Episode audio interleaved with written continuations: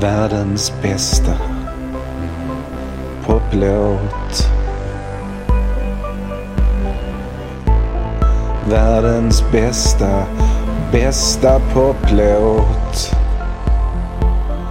Världens bästa poplåt. Världens bästa poplåt. Världens bästa poplåt. Den är bäst i världen. Säg mitt namn och solen skiner genom regnet. Jag är Nils Karlsson och när vi hörde sist så pratade vi om The Bangles enastående och tvivlande och vacklande hyllning till och ifrågasättande av den romantiska eviga kärleken i låten Eternal Flame. I sticket när stråkarna kommer in tar Susanna Hoffs ifrån fötterna och ber och bönar och befaller Say my name, sun shines through the rain. Och visst, solens strålar tränger igenom regnet. Världens bästa poplåt är tillbaka med tio nya poplåtar som var och en tillsammans och för sig är världens bästa poplåt. Solens strålar skiner genom regnet och jag ser en regnbåge stiga. Vi blickar mot stjärnorna idag, för idag handlar det om världens bästa poplåt, Stargazer av Rainbow. Stargazer är på många sätt den mest klichéartade hårdrockslåten någonsin. Ett riff som löper genom nästan hela låten. En text som utspelar sig i någon sorts fantasyvärld eller liknande och som har en närmast övertydlig moral. Tunga trummor. Allt det där är sant om Stargazer, men låten är allt annat än ytterligare en hårdrockslåt bland hårdrockslåtar. Det är inte ens så att efterapningarna, och dessa är många, har kommit i närheten av att överglänsa den. Och det är bara på ytan låten är en kliché och den är intressant på flera sätt än vi kan komma ha tid att prata om här. 2001 gick jag på en av de märkligaste konserter jag gått på. Baltiska hallen i Malmö. Stadens gamla ishall. Här tog MIF SM-guld i hockey en gång i tiden. Jag var där. Folk åkte skridskor med guldhjälmar på huvudet och sprutade champagne i ansiktet på varandra. Det var en märklig syn. Jag är inte direkt någon hockeyfantast. Min pappa tog med mig på ishockey några gånger när jag var barn. Pappa gillade ishockeylaget Troja. De kommer från Ljungby. Det var inte särskilt roligt att gå på hockey med pappa, men han lärde mig det viktigaste han visste om idrotten. Det viktiga är inte om det går bra för Troja eller inte. Det viktiga är att Malmö förlorar. Pappa, smålänning nedflyttad till Malmö, hade det som devis för all idrott. Oavsett vem som spelade mot Malmö och oavsett sport. Det viktiga är inte vem som besegrar Malmö. Det viktiga är att Malmö blir besegrade. Hockey, handboll eller fotboll spelar ingen roll. Hans svåraste idrottsliga existentiella kriser kom när ett Stockholmslag mötte Malmö och det inte fanns några smålänningar på planen alls. Vem ska man då önska förlust, förnedring, förödmjukelse? Oftast landade han i att det nog var bäst för alla inblandade och Malmö förlorade, trots allt. 1992 såg jag MIF vinna SM-guld i ishockey och det urartade i någon sorts konstig uppvisning med gyllene hjälmar, konfetti och champagne. Sång och dans och någon jävla tututorkester och Opus anskrämliga Live is Life i högtalarna och det här är ändå inte det märkligaste jag sett i den lokalen.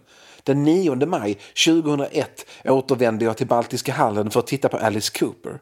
Alice Cooper är en helt fantastisk artist att se live, bland de bästa.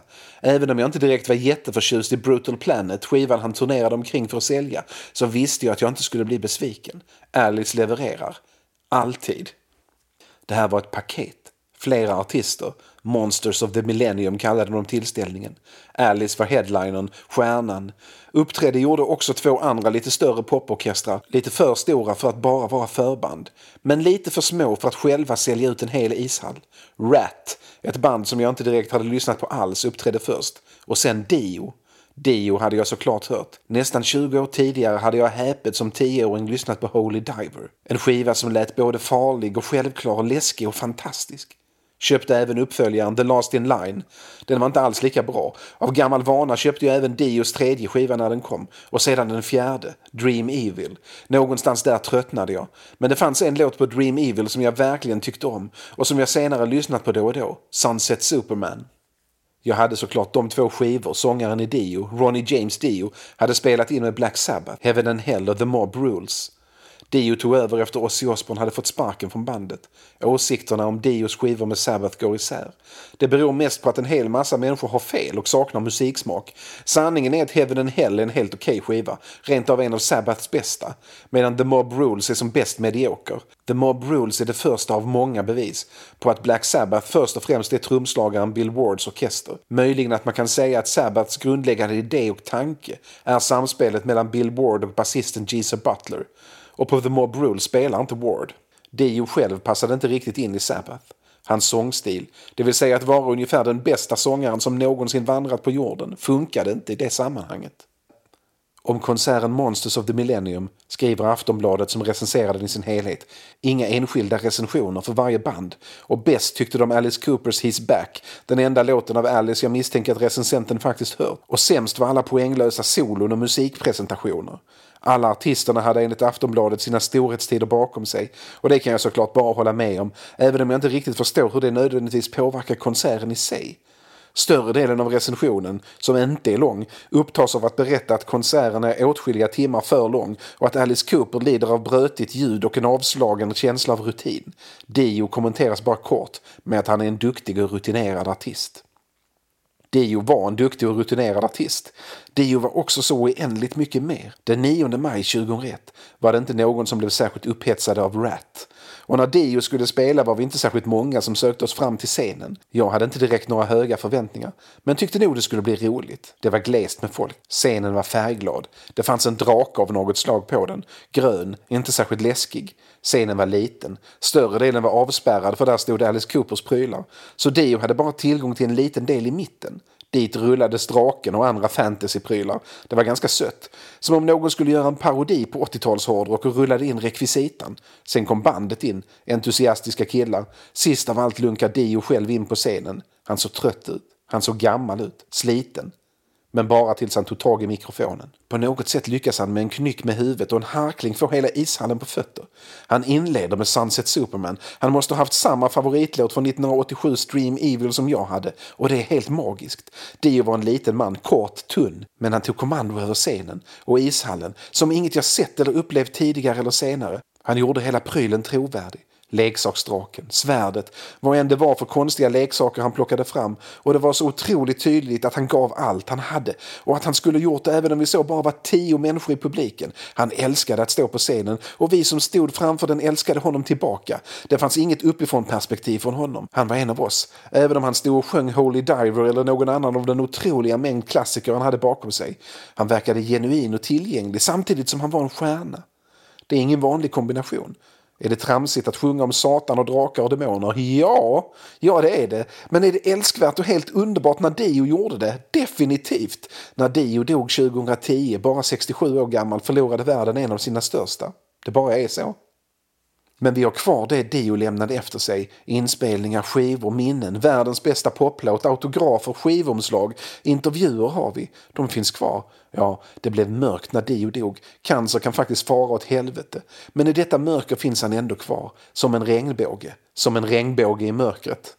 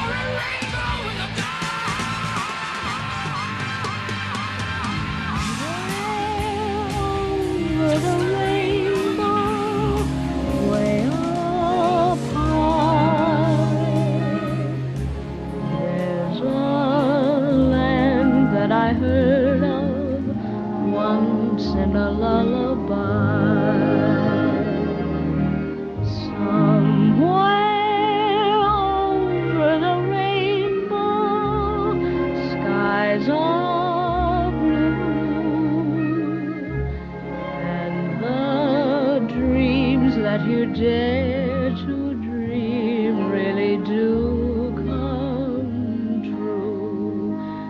Someday I'll wish upon a star and wake up where the clouds are far behind me.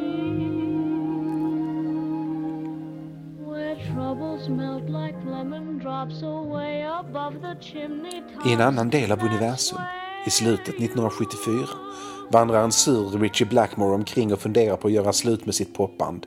Deep Purple var ett av de absolut största banden. De hade slagit på båda sidor av Atlanten med singeln Hush, en svängig soulinspirerad poplåt och blivit stjärnor. Sen sparkade Blackmore sångaren Rod Evans och basisten Nick Simper och Deep Purple återuppstod som ett av de ursprungliga hårdrocksbanden. Med nya sångaren Ian Gillan som Blackmore tycks hata passionerat än idag och basisten Roger Glover som Blackmore något förvånande inte hatar gör de 1970 LPn In Rock och den är en av de tre skivor som liksom definierar vad hårdrock är.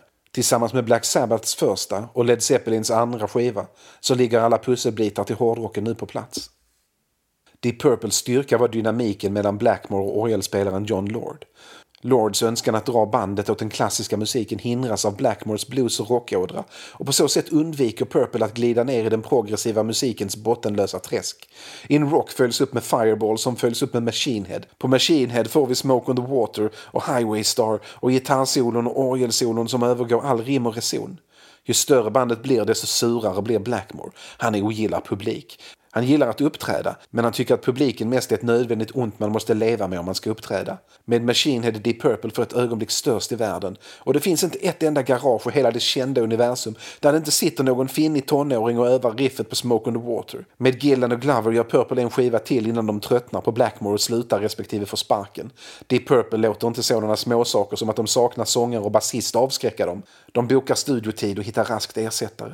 Den helt oerfarne 20-åringen David Coverdale och basisten Glenn Hughes kommer med i bandet och de gör sin kanske bästa skiva Burn där Blackmore och Lord får leva ut alla sina fantasier om komplexa sångharmonier. Hughes är en fantastisk sångare han med och bandet får en svängig och funkig rytmsektion som de tidigare saknat. En skiva till blir det, sen får Blackmore nog. Blackmore har musikaliska idéer och ambitioner han inte tycker han kan leva ut i ett demokratiskt band där det ska kompromissas hela tiden. Han vill bli episk, berättande, bli lite mer Led Zeppelin och lite mindre soul och funk. Han vet att han är en av världens absolut bästa rockgitarrister och det är ingen direkt överdrift. Blackmore 1970 till sig 1980 är så nära peak gitarrist man kan komma. Men han vet också att de andra i Deep Purple håller tillbaka honom och kväver hans talang. Så han frågar sångaren i Deep Purples förband Elf om han vill starta ett nytt band tillsammans med honom. Det vill Dio. Såklart han vill.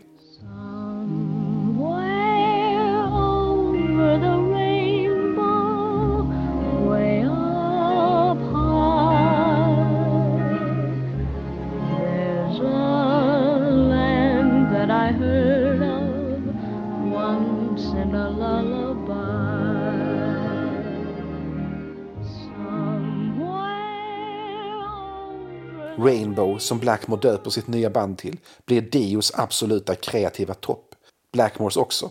Inte omedelbart, men på andra skivan. Nu invänder ni att hur kan Rainbows andra skiva vara ett större ögonblick i Dios karriär än när han spelade bas med Lill-Babs i svenska folkparker i början på 1960-talet? Är det ens möjligt? Jag förstår era invändningar, men Rainbows LP Rising är så pass bra att till och med minnena av Poppy Top i folkparkerna måste blekna en aning. Men är det något som inte bleknar så är det regnbågen. Rainbow 1976 var en uppsättning rätt igenom fantastiska musiker. Bara två av dem lever fortfarande. Dio är död. Jimmy Bain som spelade bas är död. Cozy Powell, trummor, är död. Blackmore hatade dem alla. Han är som Blackmore. Men den han hatade mest av alla i Rainbow är keyboardisten Tony Carey och han lever. Tre gånger fick han sparken från Rainbow. Det är rekord. Så Rainbow 1976 var en explosiv sammansättning av kanske de bästa hårdrocksmusikerna som fanns att tillgå och skivan är perfekt från början till slut. Men allra mest perfekt är den på Stargazer. I sin förnämsta form är Stargazer en nio minuter lång berättelse om idoldyrkan, fåfänga och blind lydnad. Om slaveri och ett högt jävla stentord som underligt nog är byggt med kött och ben. Det är kanske en av rockhistoriens mest övertydliga metaforer som inte är av sexuell natur. I det här fallet symboliserar dessutom tornet bara ett torn och inte sångarens könsorgan, tror jag. Man vet faktiskt aldrig riktigt med torn i hårdrock. Jag säger nio minuter i dess förnämsta form, för på ursprungsutgåvan hade Richie Blackmore klippt bort Tony Carys helt enastående syntintroduktion för att istället hoppa direkt på Cozy Powers lika enastående trumintroduktion. Münchens Filharmoniska Orkester spelar på Stargazer. Diskret men magnifikt. För en gångs skull använder ett hårdrocksband en symfoniorkester återhållsamt. Allt är perfekt på Stargazer. Stargazer är dessutom den enda låten man behöver för att förstå varför folk trots allt spelade med Blackmore. Killen var bevisligen ett riktigt jävla rövhål. Han förolämpade sina medmusiker, han slogs med fotografer, han vägrade prata med sin publik. Dio beskriver honom senare som en mycket elak människa. En mycket elak människa men en fantastisk jävla musiker. Gitarrsolot på Stargazer är ett av de bästa gitarrsolon som ni någonsin kommer att höra. Det är komplext men samtidigt intuitivt. Själva låten har egentligen bara tre ackord, men det är inte de vanliga rock och bluesskalorna Blackmore använder. Han kör en rak mollskala. Det gör att melodierna och solorna får en orientalisk känsla. De låter främmande och mystisk för oss som är uppväxta med de skalor som brukar användas i popmusiken. Det är nytt och gammalt samtidigt och det är häpnadsväckande skickligt spelat. Det krävs mycket för att en sångare ska kunna mäta sig med Blackmore och ge honom en match om uppmärksamheten. Att inte drunkna i gitarristens talang, det vet Blackmore. Och han vet att sången behövs. Att det är den lyssnarna först tar till sig. Att det är sången som leder folk till gitarrsolot och in i musiken. I Deep Purple hade han alltid storslagna sångare vid sin sida. Och en storslagen organist också för den delen. Men aldrig en så perfekt anpassad för musiken som nu. För nu har han Dio. Stargazer handlar om ett förslavat folk som bygger ett torn åt sin härskare. Härskaren är någon sorts trollkarl eller i alla fall en man som utger sig för att vara det. I ökenhetta och i svåra plågor bygger folket tornet. Högre och högre blir det och det ska sträcka sig mot himlen. Det är ett hårt arbete och många dör, men de bygger ändå. Folket piskas och tvingas, men ändå drivs de lika mycket av viljan att bli färdiga. För när tornet står klart ska trollkarlen klättra upp till toppen och kasta sig ut och flyga över deras huvud, svepa fram genom luften och bekräfta deras tro. Det framgår inte om trollkarlen själv tror på vad han säger. Men när tornet är färdigt samlas folket runt det medan han klättrar upp. Högt, högt upp tills han kommer till toppen. Och han gör ett litet språng och så är han i luften och så faller han såklart till marken och sanden fläckas av hans blod. Det är världens mest förutsägbara slut på berättelsen. Dio kunde sjunga men han kunde fan inte skriva sångtexter. Och den där trollkarlen, vilken idiot!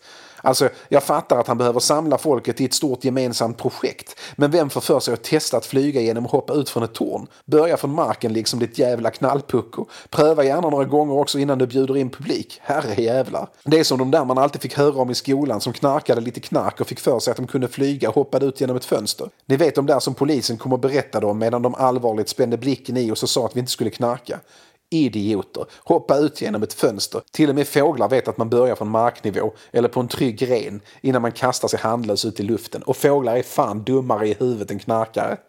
Nåväl, trollkarlen faller mot sin död och folket rycker uppgivet på sina axlar. Vad skulle det här tornet vara bra för liksom? Med sin mäktiga röst konstaterar Dio att han ser en Rainbow Rising, vilket ju är lämpligt eftersom skivan heter så. Och så börjar den långa vandringen hem, hem till landet bortom regnbågen, där förhoppningsvis ingen fejktrollkarl styr från bakom ett draperi. Ja, Dio har egentligen snott hela sin metafor från Trollkarlen från Oz. Men det är okej, okay, för det är inte metaforen vi kom hit för. Hårdrocken må vara fylld av metaforer och allegorier, men de är sällan särskilt bra. Banala, triviala. Så vad har vi lärt oss då? Lita inte blind på religiösa ledare och bygg inte deras torn. Att alltid ifrågasätta makten. Att inte provflyga genom att hoppa ut från högsta våningen. Nej, förhoppningsvis visste vi allt det där redan innan. Men det vi har lärt oss är att Dio är en av de absolut bästa sångarna någonsin. Och att han kunde fylla vilket dravel som helst med liv, passion och smärta. Så bra är han att till och med en låt om att gravitationen faktiskt funkar blir fullständigt magisk. Det som gjorde Dios röst och sång till något helt utöver det vanliga är något som jag blir uppriktigt förvånad över att så få har härmat. Det är många, väldigt många sångare som försöker kopiera Dio. Och många gör det bra. Han är någonstans den första riktiga metalsångaren liksom. Han la grunden. Han kombinerade Ian Gillans och Robert Plants omfång med starka lungor att skådespela texterna. Dio kunde hålla toner längre än de flesta. Dio hade en imponerande röstkontroll och ett perfekt vibrato. Han kunde glida mellan toner och röstlägen och han visste precis vad han gjorde. Behövde det waila så wailade han. Behövde det skrika så skrek han. Och han gjorde det inom nästan fyra hela oktaver. Det finns knappast någon sångare i hårdare rockmusik som inte inspirerats av Dio. 80-talets hårmetallband frontades av sångare som försökte men inte lyckades vara Dio. Och det verkar som att ingen av dem fattat vad som gjorde Dio så fantastiskt bra. Det Dio gör är samma som Bob Dylan gör. Samma som gör att Bob Dylan, vad en folk säger, är ytterligare en av de stora rocksångarna. Han svänger på konsonanterna.